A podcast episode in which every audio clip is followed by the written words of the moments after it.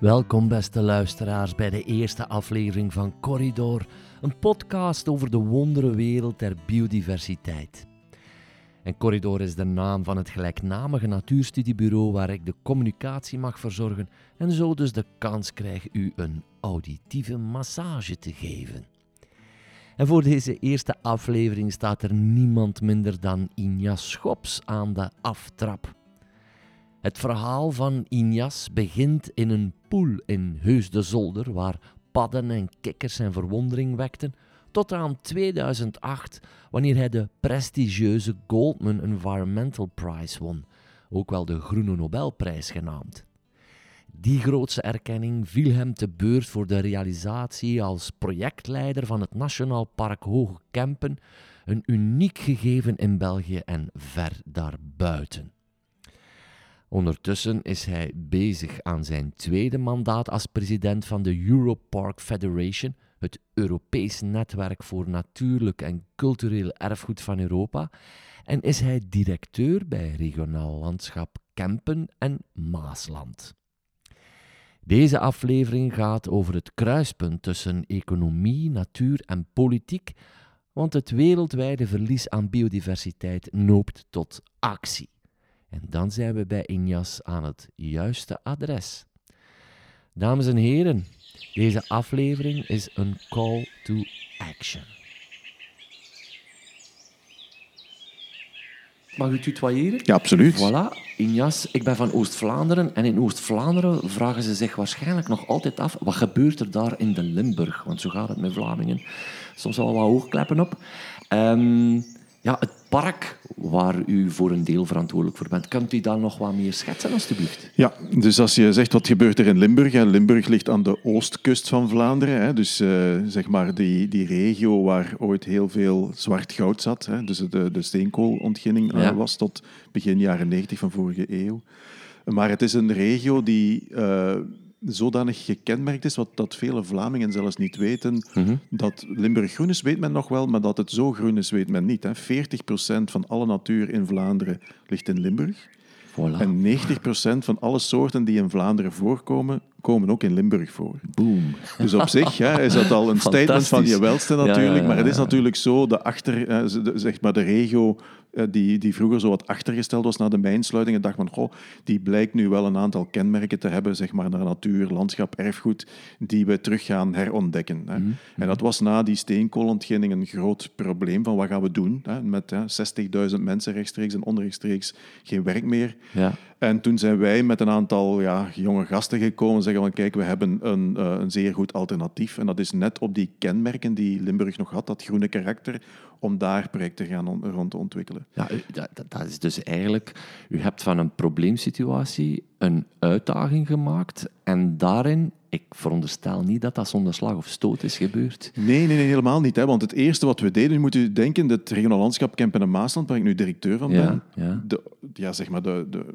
de geboorte daarvan is ook zodanig uniek dat we dat soms ook vergeten te zeggen, is na de mijnsluiting gekomen, maar is eigenlijk een, een joint venture, als je het zo moet zeggen, tussen wat nu Natuurpunt is, toen heette dat nog Natuurreservaten, ja, en de Kempische ja. steenkoolmijnen. Dus business en ah, biodiversity sloegen de handen in elkaar om een nieuwe vereniging op te richten, om ja. eens te kijken hoe we een maatschappelijk draagvlak zouden kunnen verbreden. Want toen ja, zaten we in een andere periode, uh, maar in ieder geval, dat was eigenlijk de bedoeling. En we hadden eigenlijk als eerste test hadden wij het fietsroutenetwerk uh, ook hier in huis ontwikkeld. En het fietsroutenetwerk uh, was natuurlijk, uh, is, noemen ze nu in, in, Limburg het achtste wereldwonder. Hè. we zijn Limburgers, daar zijn we heel trots op. Hè. Limburger en wereldburger. Maar in ieder geval, um, wat we daarin zagen, was dat als je mensen uitnodigt in een hele mooie omgeving, dan gaan ze ook komen. En het was voor het eerst nieuw dat wij als natuurbeschermers een soort van ondernemersgezinde ontwikkelingen zouden doen. Ja. Want vroeger was natuurbeschermers die met zeg maar, ondernemerschap bezig waren, was al heel moeilijk. Ja. Als natuurbeschermers dat iets willen doen, af en toe kregen ze bloemen toegegooid, maar dan hingen de potten er nog aan. Ja, dus we waren voor het eerst zo van, kijk, oké, dat, dat fietsroute-netwerk dat, dat, dat is onwaarschijnlijk succesvol. Mhm. En wat we daarvan leerden was dat de socio-economische impact van een natuurgerelateerd project, want het, ging, het fietsroutenetwerk aanleggen, ging heel erg gepaard met bomen rijden, poelen aanleggen, hagen aanleggen. Dus eigenlijk de, de besuikering van het landschap terugdoen. Dat was onze, zeg maar, zeg maar onze doel, ons objectief. Dan zag je dat die socio-economische impact gigantisch interessant begon te worden. Want dat was geld dat hier bleef. Dat niet naar grote concerns ging, naar toeristische concerns ging in het buitenland. En gewoon om de projectie te maken naar nu. Hè, het fietsroutenetwerk is in de provincie Limburg helemaal uitgerold.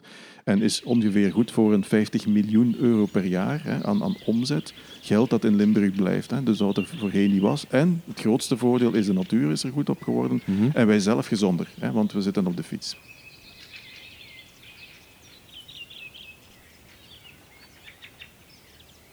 Allemaal spelers die op het eerste zicht uh, niet zo logisch lijken, maar tegenwoordig begint dat steeds meer uh, een beetje ja, gelukkig aanvaard te worden dat die spelers elkaar ontmoeten.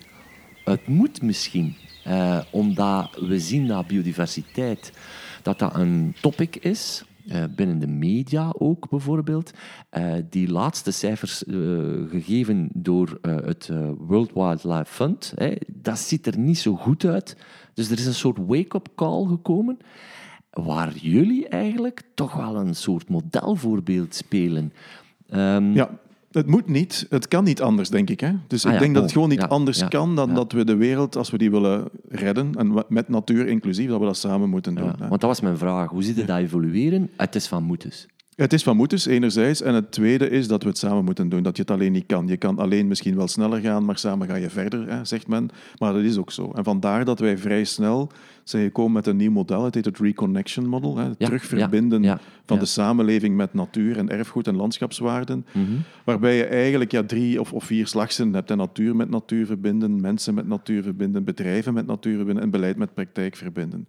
En dan zie je daar dat je iets heel interessants uh, ontstaat. Dus ik, ik, ik, ben herpetoloog. Ik, heb altijd, ik hou van, van, van kleine beestjes, slangen, kikkerspallen en zo verder. En uh, toen ik dertig jaar geleden begon uh, met, met onderzoek en zo verder. Toen was ik ook al zeg maar, een soort van ja, lobbyist avant la lettre. Dus ik ging toch ook al graag mensen proberen te overtuigen. En ik kwam toen ook met, bij ministers hè, om, om verhalen te vertellen, maar dan vertelde ik verhalen over boomkikkers en fruitmeesterpadden. Hè. En ik weet nog dat die ministers leven nu nog altijd, maar zijn geen minister meer. Die, die zeggen mij nu, ken, jullie, ken jouw verhalen nog in jas? Maar wij konden er niks mee. Wat doet je nu met een boomkikker om beleid te maken? Ja. En dat heeft ons eigenlijk tot, en mijzelf ook tot besef laten komen van, goh, ik, ik spreek de foute taal.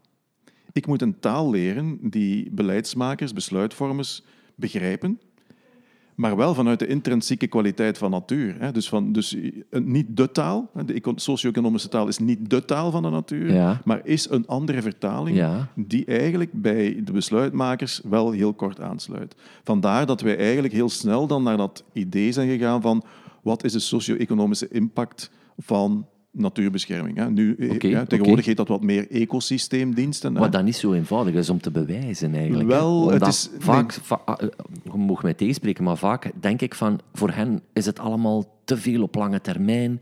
Je ziet het niet onmiddellijk omgezet in winst.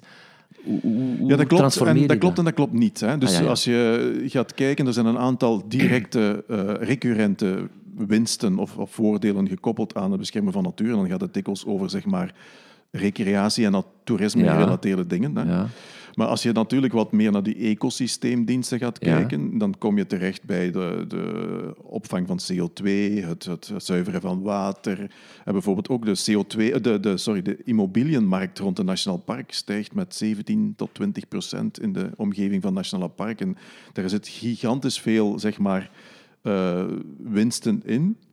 Uh, en dan wordt er dikwijls gezegd van ja, maar goed, dat zijn geen recurrente inkomsten. Hè. Dus, uh, ja, ja, dat klopt. Dat, klopt, dat, dat, dat, klopt ook zo. Kunnen, we, kunnen we zeuren, maar, maar bon, het is economie. Maar goed. Het is economie, uh, maar langs de andere kant, heel veel businessplannen van bedrijven zijn net zo opgebouwd. Hè. Daar zitten ook aannames in ja. die wij ook hier doen. En het grote voordeel is dat nu, wat we wereldwijd zien, is dat er eigenlijk een methodologie ontwikkeld is. Dat heet mm TEEB, T-E-E-B, The Economics of Ecosystems and Biodiversity. Dat is eigenlijk een methodologie die ontwikkeld is om net te berekenen wat zijn die, zeg maar, de, de socio-economische, de ecosysteemdiensten, de, de, de winsten daarvan. Oké. En dan kan je dat ook internationaal gaan vergelijken. hè? Mhm, En dan mhm. wordt het interessant natuurlijk, van wat brengt eh, een nationaal park of een groot natuurgebied, het hoeft niet altijd een nationaal park te zijn, op aan ecosysteemdiensten. Ja. En voor het nationaal park hier hebben we dat laten berekenen. En dan is dat 191 miljoen euro per jaar Jezus, en 5000 jongens. jobs die daarbij betrokken zijn. Wauw, wat een model. En natuurlijk, wat gebeurt er dan? Dan kom je bij de besluitmakers en dan gaat in één keer de deur open en dan moet je koffie blijven drinken. En zeggen, goh, nu, nu, nu, nu ben je aan het praten. Hoe heb je dat gedaan? Ja, Maar ja, uiteindelijk ja. gaat het opnieuw over die boomkikker, over die nachtzwaluw, hè, van, die een waarde heeft, die wij samen geven. Hè. En ik, ik probeer dat altijd met een, met een soort van voorbeeld te zeggen. Een ijsbeer die weet echt niet hoe belangrijk dat hij is. Of een eekhoorn, of een grauwe gors. ja, ja. Die weet dat niet. Ja, Maar als wij vinden dat een grauwe gors belangrijk is, of een ijsbeer belangrijk, dan gaan we daar wat aan doen. Dus de waarde van de natuur is de waarde die wij eraan geven. Hè? Ik, ik vind het fantastisch dat je het zegt, want het is iets waar ik mee naar hier ben vertrokken. Zo van, ik hoorde u onlangs ook bij een eh, interview met Stijn Meuris bij TV Limburg, dacht ik. En je mocht dat keren of draaien. Je kan over economische modellen praten en je kan er heel gewichtig over doen. Maar uiteindelijk, en dat is ook iets wat ik bij u merk, start dat toch gewoon over de verwondering van een dierke zoals een boomkikker. Absoluut. Het gaat over de schoonheid, hè? De, de schoonheid van natuur, het gevoel dat je krijgt. Ja, Maar natuurlijk, wat we zien, met die schoonheid komen we er niet. Hè? Want als je de, de, Ja. zeg maar, kijkt wat er de laatste 50 jaar gebeurd is op wereldvlak, dan Ja. zie je daar alleen maar negatieve signalen. Dus puur uit de schoonheid waarvoor ik het doe, komen er niet, verliezen we. Dus Ja. moet je andere modellen gaan ontwikkelen. En dat, dat, dat denk ik dat we, waar we slim in moeten zijn. Dat is waar de natuurbescherming om, soms zichzelf ook tegenkomt. Hè? Van, van, zeg maar, ook in, ah, ik, ik ben dikwijls met socio-economische waarden bezig. God, Ja. nee, je moet met die intrinsieke waarden bezig zijn. Ja, dat doe ik ook. ja. Maar als we daar niet mee eh, het verhaal winnen, dan moet je toch, denk ik, samen denk, nadenken van hoe kunnen we samen andere dingen ontwikkelen. En daar proberen hè, het- de connectie te maken. Hoe kan je met, met zeg maar, de, de Wereldgezondheidsorganisatie gaan nadenken over nieuwe dingen? Want gezondheid en natuur is Absoluut. echt een grote meerwaarde. Absoluut. Ja, ja, Want ja, een van de hele grote misvattingen is, hè, als je gaat er misschien dadelijk nog over hebben, maar over de achteruitgang van de biodiversiteit. Mhm. Mensen denken dikwijls dat het gaat over de birds en de bees, over de vogeltjes en de bijtjes. Maar het is begot veel meer dan dat. Hè. Ja. De biodiversiteit, de bodembiodiversiteit bijvoorbeeld, en alles wat in de grond ja, zit, wat we niet ja, zien, ja. die gaat even snel achteruit. Dus de patatten zullen minder snel groeien. Hè. De, de porij zal minder of niet meer groeien. En daar De- begint het eigenlijk, de Ja, bodem. Voilà, dus dat, daar begin Ja. mee. Maar ook onze menselijke biodiversiteit. 100 miljard levende beestjes zitten erop en in elk lichaam. hè. ook daar gaat de, hè, onze lichaam biodiversiteit gaat even snel achteruit dan de rest. Dus het gaat over onszelf, onze eigen gezondheid. En het wordt heel gemakkelijk zo gezegd, ja, de, de biodiversiteit gaat achteruit. Ja, dat gaat over die panters en over die padden en over die slangen. Ja. Nee, dat gaat over alles. Hè. Drinkbaar water, zuivere lucht. Dat is, dat is Ja, natuur. En Dat, dat water dat eigenlijk eh, eh, het nieuwe goud wordt, eigenlijk. Hè? Ja. Absoluut. En als je dan weet, ik heb er even eh, nog opgezocht, Ja. dat in de, tot, dus dat, dat zijn studies die, die gemaakt zijn door de Verenigde Naties. Je weet dat de wereldpopulatie hè, de laatste 50 jaar verdubbeld is, maar ze is nog aan het groeien. Ze, neemt, hè, Ja. ze, ze vertraagt nu wel. Maar we moeten 40% meer water hebben we nodig binnen, eh, binnen 10 jaar. 40% meer energie en 40% meer voedsel, omdat onze populatie Ja. groeit. De vraag is, hoe gaan we daarmee om? Kunnen we nog een systeem bedenken Ja. waarbij we dat nog kunnen voorzien? Terwijl dat we altijd nu jaarlijks horen, bijvoorbeeld ergens in augustus is denk ik, dat ze zeggen van de brandstoffen zijn eigenlijk nu opgebruikt Ja. voor dit jaar. En Ja. je voelt ook dat dat steeds verschuift naar begin augustus. Wat zal het binnen dit en een paar jaar zijn? Ja, dus eh, we verliezen onze comfortzone. Ja. En dat is iets wat, eh, weet je, dat is ook zoiets, een stille moordenaar. Hè? Je, het gaat elke dag wel een beetje minder, maar dan voel je dat niet. Hè? Dat is zo moeilijk om te beschrijven. Eh, maar dat is wel aan het gebeuren. Hè? Je ziet dat met ja, de, half Frankrijk is weggespoeld weer. Ja. Hè? Ja, zijn dat, gelukkig, het is Frankrijk. Maar we zijn, het is een lotteke van op de, uit de loterij. Hè? Morgen Ja. is het hier en dan hebben wij het probleem. Een van de dingen die daar onmiddellijk op aansluiten is, wanneer ik bij sommige vrienden ga, dan zijn er erbij die zeggen van, ik maak mij echt zorgen over het milieu. En natuurlijk, u praat hier ah, over het Nationaal Park. Dat is al een parcours dat u hebt doorlopen en dat staat er nu. Dat is een sociaal-economisch model. U hebt het over wereldschaal.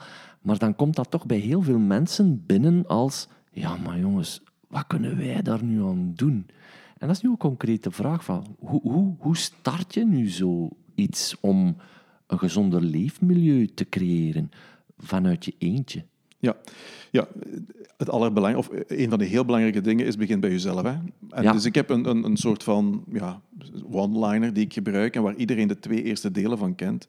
Maar het derde deel het belangrijkste deel is, dat is think globally, ja. Act locally, dat kent iedereen. Maar er is een derde deel, dat is change personally. Hè. Alright, ja. En dus dat betekent, en we hebben wel iets heel mooi gezien, denk ik nu met COVID, ja. dat we, hè, we zaten in de lockdown mhm, en we wilden mhm. geen kippen worden die opgesloten worden. We, wilden, we wilden nog graag buiten gaan. Gelukkig mochten we dat.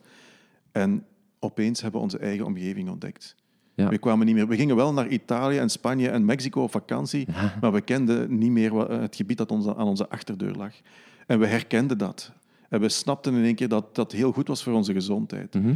Dus die nabijheid van natuur, die wordt terug heel interessant. Die is heel erg op onze neus gedrukt. In en het is nog een, er zijn nog twee andere dingen die aan COVID, denk ik, interessant zijn. Dat is één, dat wij ons gedrag zijn gaan aanpassen op een zeer korte tijd. Ja. Alleszins op een tijd dat wij nooit gedacht hebben dat wij ons gedrag zo zouden kunnen aanpassen. Dat hebben we nu gedaan.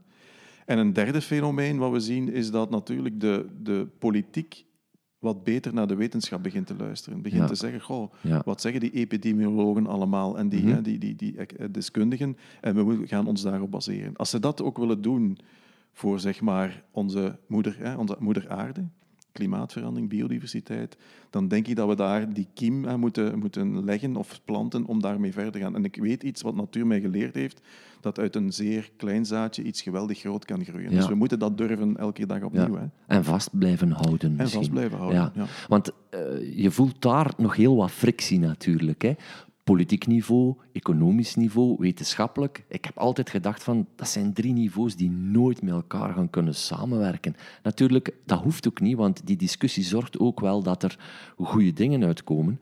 Maar tegenwoordig heb je wereldleiders die het ons toch wel qua moraal ook heel moeilijk maken. Ik verwijs naar Brazilië, ik verwijs naar de Verenigde Staten. Dat zijn toch mensen die ook wel op een bepaalde ja, manier inwerken op het gemoed en het ons moeilijker maken. Ja, maar dus opnieuw, hè, ik, ben, ik ben in die zin dan een optimist. Martin Luther King die is nooit begonnen met I had a nightmare. Die begon altijd met I have a dream. Hè. Dus, En we zullen altijd types krijgen à la Trump hè. Mhm, of mhm. Bolsonaro. Die zullen we hebben. Maar als je kijkt, ook in het land van Bolsonaro en ook in het land van, van Trump, zie je daar leiders opstaan grote regio's opstaan. Californië is een voorbeeld natuurlijk. Die zeggen van, eh, ik, ik, trek mij niks aan wat Trump allemaal wil. Wij gaan wel verder en wij gaan het wel goed doen. En dat is, een, dat is, dat is iets heel interessant. Van, we moeten niet kijken naar wat, uh, wat een aantal wereldleiders... Dat is heel erg, hè? begrijp me niet verkeerd. Mhm. Hoe die de wereld naar de verdoemenis willen helpen. We moeten vooral kijken naar wat wel kan. En daar is ook zeg maar, democratisch in het democratisch proces iets heel interessant om lezen, vind ik. Opnieuw op wereldschaal. Dan zie je dat de grote miljoenensteden die we hebben in de wereld, dat er steeds meer zullen zijn. Hè. Afrika gaat er komen en zo verder.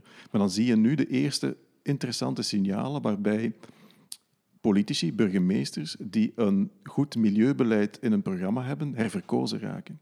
En dus zo'n klein stemmetje dat op mijn schouder zit, als je stemmen kunt krijgen door de juiste politiek te voeren, dan krijg je ook in het democratisch proces iets heel interessants wat trendverschuivend kan zijn, game changers kunnen zijn. Ja. En dat zie je wel nu in de grote steden gebeuren, dat ze zeggen, ik wil niet meer ademen in een, een, een dirty city. Hè. Ik, wil, ik wil pro. Gent is in, in Vlaanderen een veel, veel goed voorbeeld daarvan, denk ik.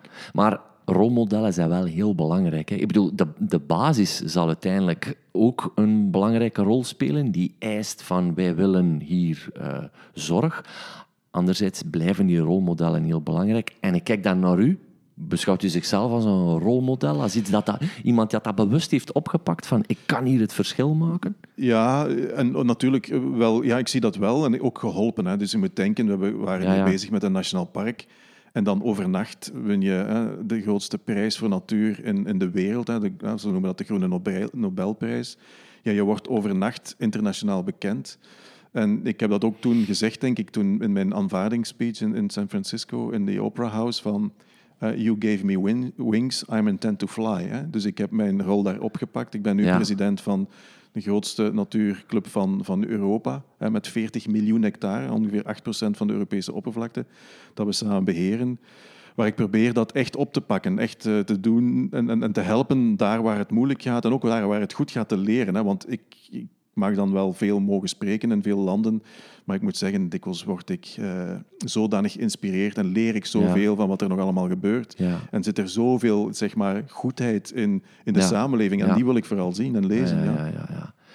Ja, fantastisch. Je blaast me een beetje uit mijn sokken als je dan zegt dat je directeur bent van de European Park uh, Federation. Hè. Hoe, hoe, hoe word je dat eigenlijk? Wel, ik zal u proberen uit te leggen hoe het gaat. Dus ik, ik, ik won de, uh, de Goldman Environmental Prize in 2008. Uh, ineens ja, moet ik naar Amerika. Ik was een boerken uit Limburg. Ik was nooit in Amerika geweest. Dat is letterlijk zo gegaan. Letterlijk zo gegaan. En uh, dan moet je daar in de Opera House voor 4000 mensen in één keer die, ja, die prijs aanvaarden. Het is zelfs zo groot dat je zanderdaags naar Washington vliegt. Okay. Want het kan niet in één keer uh, zeg maar, verspreid worden. Dan, in de Smithsonian doe je dan nog eens alles over. Um, en dan is, uh, ja, dan krijg je heel veel contacten uiteraard. Ik werd dan een jaar nadien Global Ambassador voor IUCN, het grootste netwerk voor, voor natuur in de wereld. Mm Rond mm Countdown 2010. Toen dachten we nog dat we de biodiversiteit konden tegengaan tegen 2010. Hè. Zo schuift de tijd op. Ja. En de grootste club van Europa, uh, toen voorgezeten door een vrouw uh, uit mm Roemenië, Erika Stanciu, die is dan mij hier komen opzoeken. En die had mij gehoord, gezien ook op een aantal fora. En die is wel komen zeggen van, ik zou willen dat jij je kandidaat stelt om president te worden van Europark Federation. Ja. Maar dat gaat zoals Eurosong Contest. Hè. Dus dat zijn 400 leden uit 40 landen in Europa, pan-Europees, pan-Europees. En ja, dan moet je stemmen krijgen. En, dat gaat uh, over netwerken. Dat gaat over netwerken. Ja, en dus ben ik ja. een eerste keer uh, ben ik gewoon council-lid geworden, dus mm -hmm. lid van de raad van bestuur. En dan ben ik de volgende keer met ja, grote meerderheid verkozen als president. En je mag twee mandaten doen. En dan ben, is er iets heel vreemd gebeurd voor mijzelf. Ik durf bijna niet zeggen, maar dan ben ik herverkozen met 100% van de stemmen oh, in Portugal. Ja. Uh, wat op zich uh, ja, bijna ja, dictatoriaal is natuurlijk. Ja, maar, andere maar ook kant, een duidelijk signaal. Maar, ja, maar ook, het, het, ik moet zeggen, ik was tot tranen toe bewogen. Ja. Omdat je, ja, het gaat erover van, dan zie ik mezelf terugstaan in, in, in, een, in mijn lieslaarzen in, in, in, in een vijver. naar de boomkikkers luisteren. En dan denk ik van, goh, allee, het, het, concert dat ik gratis kreeg van die boomkikkers heeft mij geholpen om op het wereldtoneel te verschijnen. verschijnen en wat te kunnen doen rond natuur en klimaat, waar ik mee bezig ben. En om mensen te, te inspireren. En als dat, ja, het is niks mooier dan dat natuurlijk, vind ik zelf. Hè.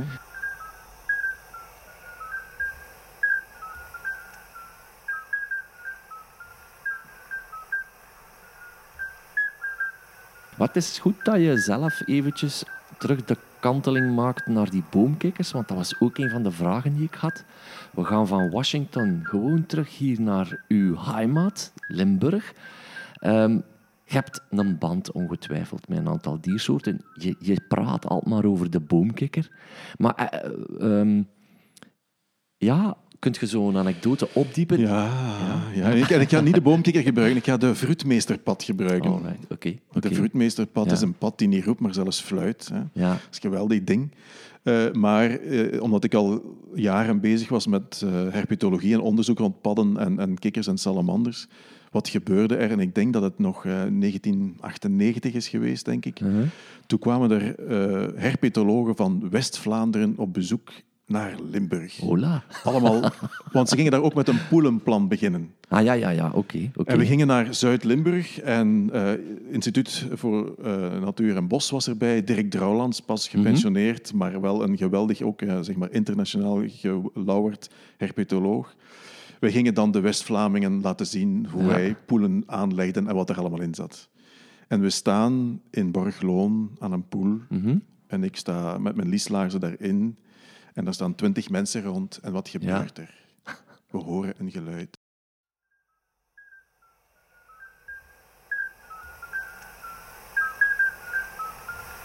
En ja, natuurlijk, dan zeg je, wat, is, wat gebeurt hier? Ik kende En dat is het geluid van de vroedmeester. Ja. Klingeltjes, belletjes, fluit, fluitachtig geluid.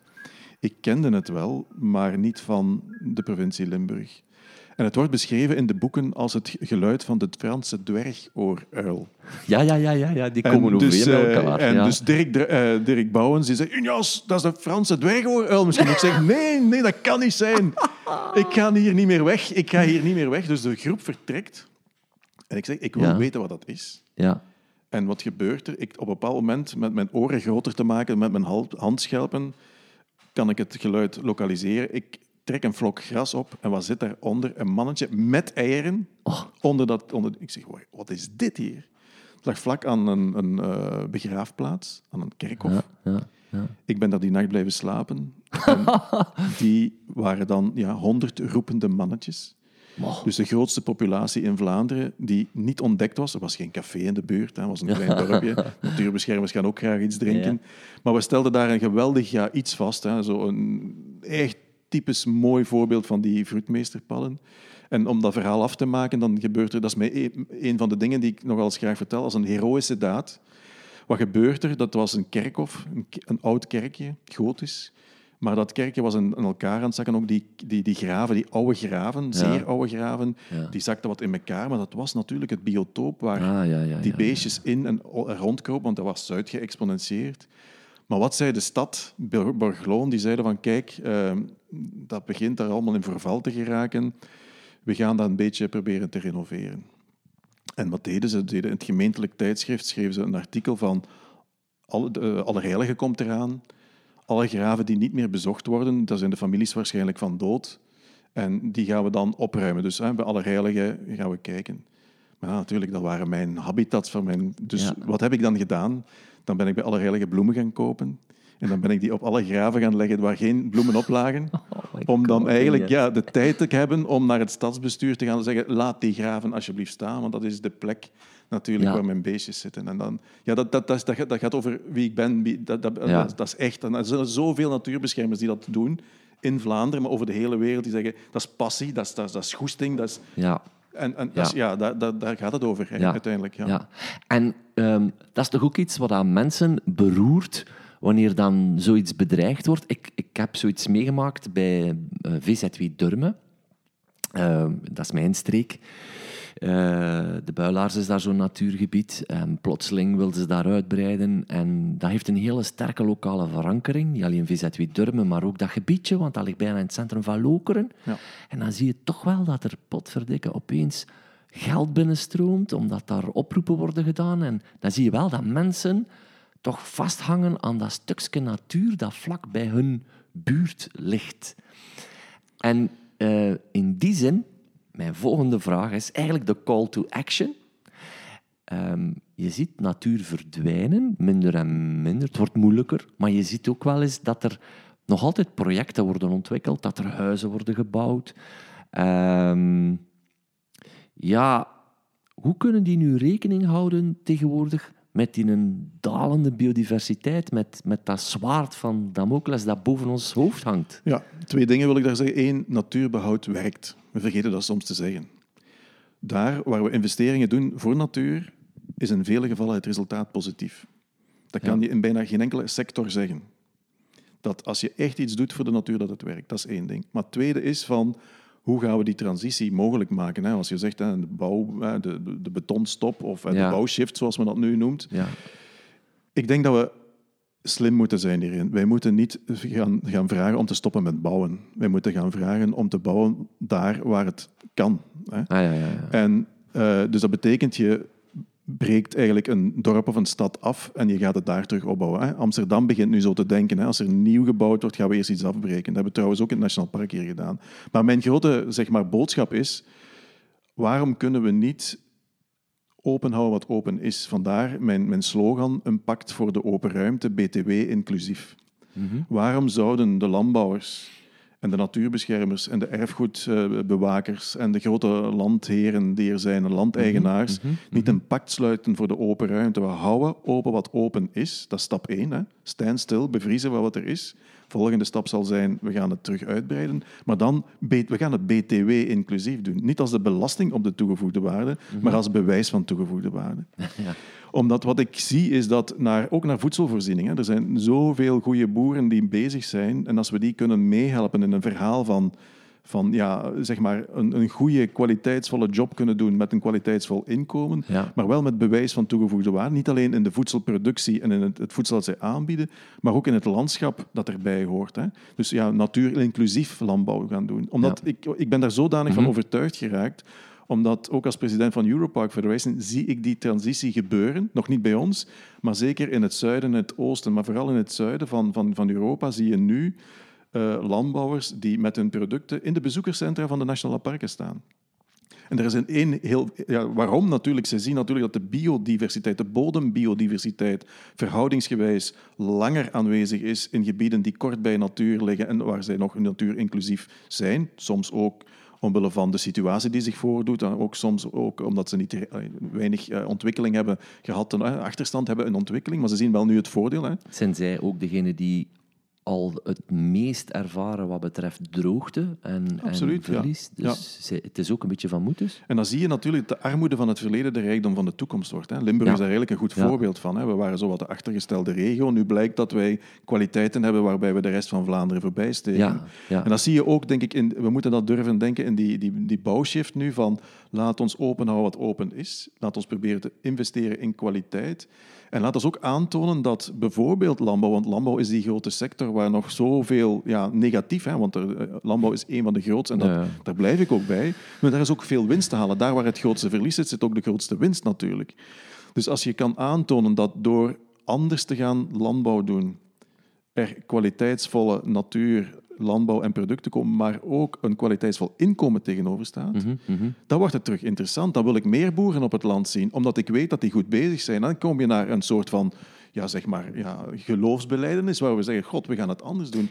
Is dat het een beetje wat dat Jonathan Holslag noemt, het gezond patriotisme ook dat er moet komen? En een soort van behartiging van waar dat wij voor staan? Ja, ik denk dat, dat Jonathan dat probeert... Ja, wat je nu ziet hè, wereldwijd, Jonathan zegt het dan, dat gezond patriotisme. Ik denk eerder, is, de toekomst is global. Hè. Globaal en lokaal. Dus je gaat lokale dingen doen in een globaal kader om hè, de wereld te redden. En dat, daar moet je een beetje, ja, zeg je, patriotisme voor, voor aan de dag leggen, natuurlijk. Maar vooral ook zien dat we daar waar we, dat, daar waar we op vakantie gaan, dat we het ook projecteren terug naar onszelf. Hè. Want wat zien we natuurlijk, ook als je naar de beleidsmakers gaat kijken, die gaan ook altijd naar de mooiste gebieden in Europa of buiten Europa op vakantie. Mhm. En van Vlaanderen maken we er één grote zeg maar, ja, industrieterrein van. Ja. Dus ja, we zouden ze moeten meenemen bijvoorbeeld naar een 14-daagse vakantie naar de. Hè. om maar het wat te zeggen, om het contrast even aan te tonen. Ik trek het op, op stoppen natuurlijk, maar het, is daar, het gaat daarover, maak niet van uw eigen regio, van waar je zelf niet op vakantie wil gaan. We hebben zoiets mooi. Hè. We hebben ook mooie dingen. Hè. De gastvrijheid van Vlaanderen is ongekend internationaal gezien. Absoluut. Vele talen die we spreken. Dus we kunnen heel veel dingen wel. Alleen zijn de waarden veranderd. De wereld verandert nu eenmaal. En dan zie je natuurlijk dat, dat we moeten durven nadenken. Ik denk ook dikwijls aan andere financieringsmodellen. Want de financieringsmodellen die we nu in, in België kennen, trouwens in West-Europa kennen, in grote delen van de wereld, zijn gebouwd na de Tweede Wereldoorlog. Mhm. De heropbouw mhm. van de wereld. En dat mhm. was rightly so, echt goed. Maar de wereld heeft nu wel andere problemen. En dus de vraag is, de hele financieringsmechanismen zijn niet gevolgd in de geestestoestand of de gezondheidstoestand waar de wereld nu is. Dus die moeten, die moeten gaan volgen. Dus uh, moeten we dus eigenlijk gaan nadenken over een positieve discriminatie van natuur en landschap in de financieringsmodellen. Daar moeten we dus over nadenken. Ja. Ah, in die zin, om af te ronden, is eigenlijk burgerzin en burgerparticipatie nog nooit zo belangrijk geweest. Hoe kunnen we dat nog beter behartigen. Ja, ik denk, omdat, omdat wij soms ook, zeker nu ook in Vlaanderen, ah, of in België, dat we denken van, goh, politiek is toch wel aan het falen. Hè. Ook daar zien wij het soms heel donker in. Hoe, hoe, hoe kan dat opgezet worden? Ja, dikwijls ligt in het probleem de oplossing. Hè. Hoe donker de politiek is, hoe, hoeveel licht dat er kan binnenkomen. Hè. Ja. Dus je, we zitten misschien net in dat knikpunt waar we nu aan, aan alles twijfelen, waar je net van daaruit moet gaan. There's a crack in everything, that's where the lights comes in. Hè. Dus uh, je moet daar durven naar gaan denken. Ik zie, ik zie wat ik... Hè, in Wallonië, Get Up Wallonia, hè, waar nu uh, die Roepel een heel grote oproep heeft gedaan. We gaan ja, proberen een nieuw Marshallplan voor Wallonië te maken, inclusief natuur. Ik ben gevraagd om daar iets te gaan zeggen. Okay. Dus op zich goed, goed nieuws. Burgerparticipatie, denk ik, is de stap. Hè? Want natuurlijk, politiek volgt nog altijd de, zeg maar, de, wat de mensen willen. Mhm. En we zien daar trouwens ook in de natuur, als ik dat nog mag zeggen, want dat is een hele interessante om eens te vertellen. Hè, van als je ziet hoe politiek ook natuurvragen volgt of gevolgd heeft, dat kan ook bewezen worden. Men heeft dus op de, de, het Europees Milieuagentschap onderzoek gedaan naar het aantal beschermde natuurgebieden in Europa tussen 1942 en 2015.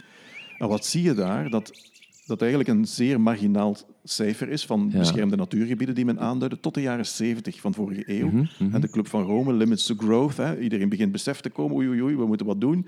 En dan zie je eigenlijk een exponentiële groei van het aanduiden van natuurgebieden in Europa. En dan zou je zeggen, goh, dus het goede is, politiek volgt wat de samenleving wil. Dus zeer ah, goed. maar als je dat afzet tegen de, zeg maar, de trendlijn van de biodiversiteit, dan is die tegenovergesteld aan elkaar. Dat is een paradox. Je, je duidt meer natuurgebieden aan, maar toch gaat de biodiversiteit sterk achteruit. Ja. En daar zit de paradox net in, dat wij natuur opgesloten hebben in onze natuurreservaten en alles er buiten ja. vogel vrijgelaten ja, akkoord, akkoord. Ja. En nu komt, hè, Europa komt nu tot dat besef, en ook wij moeten tot dat besef komen dat natuur inclusief is. Dat start aan uw bloempot. Hè. Mhm, mhm. Daar begint natuur. En we moeten die connecties, die corridors, hè, waar jij over werkt, hè, moeten we terug proberen te maken. Er zit een gigantische kans in, denk ik, om dat op te pakken. En dat zie je nu, en dan kan ik daar ook over eindigen, terug internationaal, dat Europa nu met, uh, met, met zijn Green Deal en de nieuwe biodiversiteitsstrategie 2030 30% natuur, zowel uh, op zee als, als marine, als op het land wil beschermen. 30 procent, dat is, hè, voor Vlaanderen is het 6 procent. We hebben hè, way to go, maar dat is wat het nieuwe doel. En ook de Conventional Biological Diversity, zeg maar de tegenhanger van het klimaatverhaal uh-huh, binnen de uh-huh. Verenigde Naties, zal nu binnen afzienbare tijd, afzienbare tijd ook die 30% gaan opleggen voor de wereld. En dan denk ik dat we heel kort bijkomen bij uh, Edward O. Wilson, ook een entomoloog, die, uh, onze mierendeskundige, grootste, een van de grootste denkers ter wereld, en met Half Earth, die zegt we moeten half van de planeet beschermen om eigenlijk 85% van de, van de natuur te kunnen beschermen in de wereld. En ik geloof daar heel sterk in dat we dat kunnen. Ja. Want natuur... Ja, ja, en, en, en, zowel Demir... Uh, ja, politieke uh, voorkeuren mogen hier niet plaatsen natuurlijk, maar ze doet het niet slecht. Hè. Allee, ze ze ja, geeft wel hoop. Hè. We, hebben een, we hebben nu een minister voor natuur. Hè. Absoluut. En dat is natuurlijk, ja, ja. We hebben een minister voor natuur die het daarvoor oppakt en dan moeten we ook applaudisseren. Als het goed is, mogen we dat denk ik ook ja. zeggen. Maar uh, ik wil altijd zeggen, de oplossing ligt in onze natuur. Letterlijk en figuurlijk. Ja, ja. ik geloof daar ook wel in. En... Um, ja, ik denk toch wel dat, dat ook weer deze podcast uh, hoopvol is. Ik, ik had eigenlijk ook niet echt iets anders verwacht van u, Jas, want je bent wat dat betreft een optimist, je hebt het gezegd. Um, en ik ga nog een aantal dingen opzoeken en misschien ook wel wat duiden in de podcast. Um, ja, ik zou eigenlijk niet heel dag mee kunnen babbelen. Hè. Daar komt het op. Je bent altijd welkom in Limburg. Fantastisch bedankt voor het uh, mooie, leuke interview en voor de ontvangst hier in ieder geval. Met plezier. Dit was de eerste aflevering van Corridor, een podcast over biodiversiteit met in deze aflevering Inja Schops. In de volgende aflevering gaan we nog concreter te werk en heb ik een interview met Peter Klaus, een collega bij Corridor. We zullen samen het Boelarenbos in Gerardsbergen bezoeken, waar Corridor aan natuurinventarisatie doet en meedenkt en bouwt aan de beheerplannen al daar. Corridor werkt ook samen met bedrijven en projectontwikkelaars om de biodiversiteit op hun terreinen te behartigen. Voor meer info check onze website corridor.land en u vindt ons ook op Facebook en LinkedIn. Ik zou zeggen tot de volgende keer.